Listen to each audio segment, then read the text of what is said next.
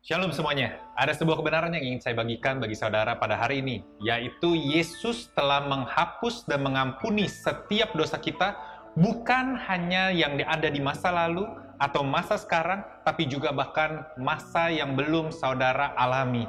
Ini adalah sebuah kebenaran yang begitu membebaskan saudara-saudara. Karena setiap dari kita, tanpa kita sadari, pasti akan melakukan kesalahan dan pelanggaran dan sering kali kita takut apakah Tuhan mengampuni pelanggaran-pelanggaran kita yang akan datang atau tidak.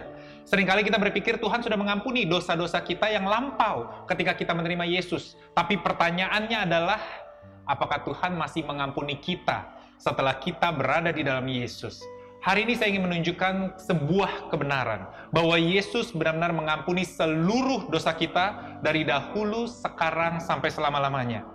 Firman Tuhan di kitab Ibrani pasal 7 berkata, Sebab imam besar yang demikianlah yang kita perlukan, bahwa Yesus imam besar yang saleh, tanpa salah, tanpa noda, yang terpisah dari orang-orang berdosa dan lebih tinggi daripada tingkat-tingkat surga. Dia tidak seperti imam-imam besar lain yang setiap hari harus mempersembahkan korban untuk dirinya sendiri dan sesudah itu barulah dosa umatnya saudara-saudara. Bahwa Yesus itu adalah kudus dan suci bahwa dia tidak perlu untuk melakukan sebuah persembahan untuk menghapus dosanya sendiri. Tidak seperti imam-imam besar lain. Dan hal itu telah dilakukannya satu kali untuk selama-lamanya. Ketika ia mempersembahkan dirinya sendiri sebagai korban, saudara-saudara. Bahwa Yesus bukan hanya sebagai seorang imam besar yang kudus dan saleh, tapi dia juga adalah persembahan atau korban pengampunan dosa yang paling baik, saudara-saudara. Inilah yang dikatakan di Ibrani pasal 10 Selanjutnya setiap imam melakukan tiap-tiap hari pelayanannya dan berulang-ulang mempersembahkan korban yang sama yang sama sekali tidak dapat menghapuskan dosa. Tetapi dia, Yesus, setelah mempersembahkan hanya satu korban saja karena dosa, dia duduk untuk selama-lamanya di sebelah kanan Allah. Dan sekarang ia hanya menantikan saatnya di mana musuh-musuhnya akan dijadikan tumpuan kakinya. Sebab oleh satu korban saja ia telah menyempurnakan untuk selama-lamanya mereka yang ia kuduskan. Saudara perhatikan pilihan kata yang ditulis di dalam kitab Ibrani. Bahwa dia menyempurnakan untuk selama-lamanya mereka yang ia kuduskan. Bahwa pengampunan tersebut bukan hanya terjadi di masa lampau ketika saudara menerima Yesus, tapi juga masa sekarang dan bahkan masa yang akan datang, saudara-saudara. 1 Petrus 3 berkata demikian, sebab juga Kristus telah mati sekali untuk segala dosa kita. Lihat penekanannya, segala dosa kita. Ia yang benar untuk orang-orang yang tidak benar, supaya ia membawa kita kepada Allah. Bahwa Yesus benar-benar mengampuni segala dosa kita. Lalu dikatakan di Kolose pasal 2, kamu juga meskipun dahulu mati oleh pelanggaranmu dan oleh karena tidak disunat secara lahiriah telah dihidupkan Allah bersama-sama dengan dia. Sesudah ia mengampuni segala pelanggaran kita, saudara-saudara. Kalau segala berbicara tentang semuanya, saudara-saudara, bukan hanya masa lalu, bukan hanya masa sekarang, tapi juga masa yang akan datang. Bagaimana dia menghapuskannya? Dengan menghapuskan surat hutang yang oleh ketentuan-ketentuan hukum mendakwa dan mengancam kita. Dan itu ditiadakannya dengan memakukannya pada kayu salib. Bahwa ketika saudara dan saya menerima Yesus, ketika saudara dan saya percaya kepada Yesus, segala pelanggaran, segala dosa ditiadakan dan dipakukannya pada kayu salib. Apa dampaknya bagi kita, saudara-saudara? Roma 8 berkata, demikianlah sekarang tidak ada penghukuman bagi mereka yang ada di dalam Kristus Yesus. Bahwa saudara dan saya akan ada di dalam Kristus Yesus sekali untuk selama-lamanya. Dan selama kita berada di dalam Yesus, tidak ada lagi penghukuman Hal ini berbicara bukan mengenai kekuatan saudara dan saya untuk menjaga kita, diri kita tetap kudus, saudara-saudara. Ini bukan berbicara mengenai perbuatan kita, tapi ini berbicara mengenai darah Yesus dan kuasa Yesus. Bahwa tidak ada orang yang dapat keluar masuk dari dalam perlindungan Yesus.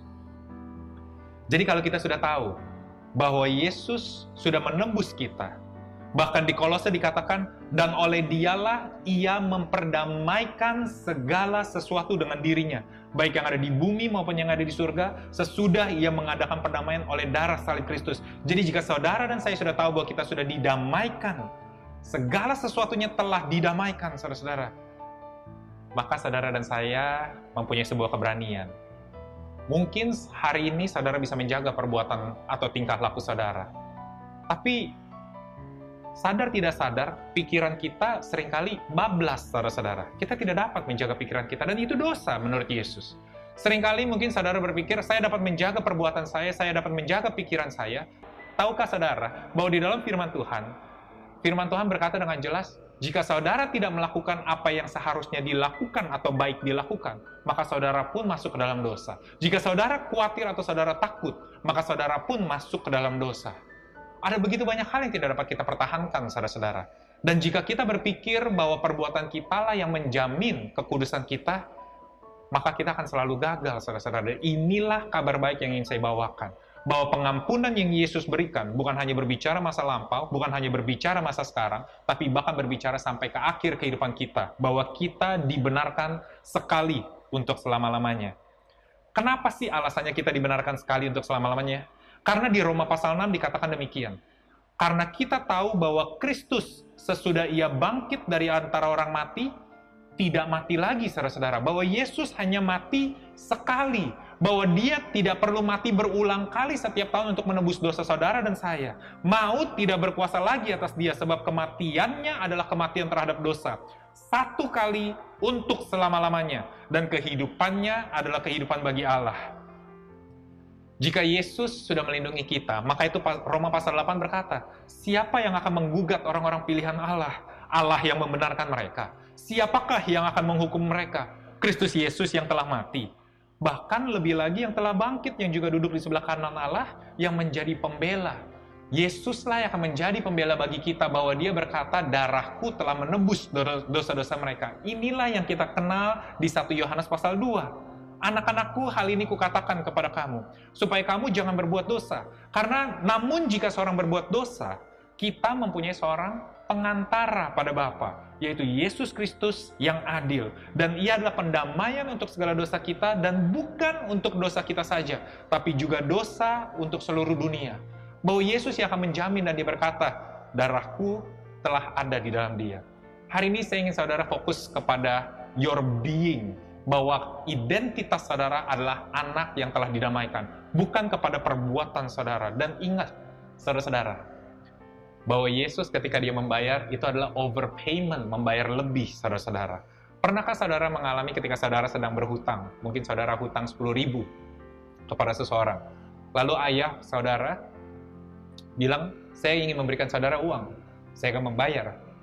Lalu dia berikan uang, kartu kredit yang tidak terbatas jumlahnya. Jadi bukan hanya untuk membayar hutang saudara yang 10 ribu, tapi bahkan jika saudara nanti akan berhutang kembali atau memerlukan pembayaran kembali, inilah yang namanya overpayment, saudara-saudara. Dan Yesus adalah our overpayment.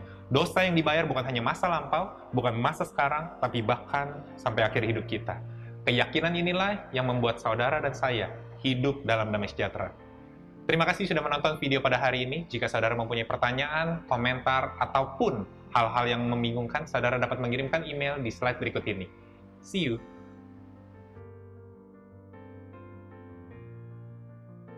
Hai, saya Julian Chong dari The Cause Indonesia Church dan ini adalah channel YouTube kami. Saya mau berterima kasih karena sudah bergabung dengan kami hari ini.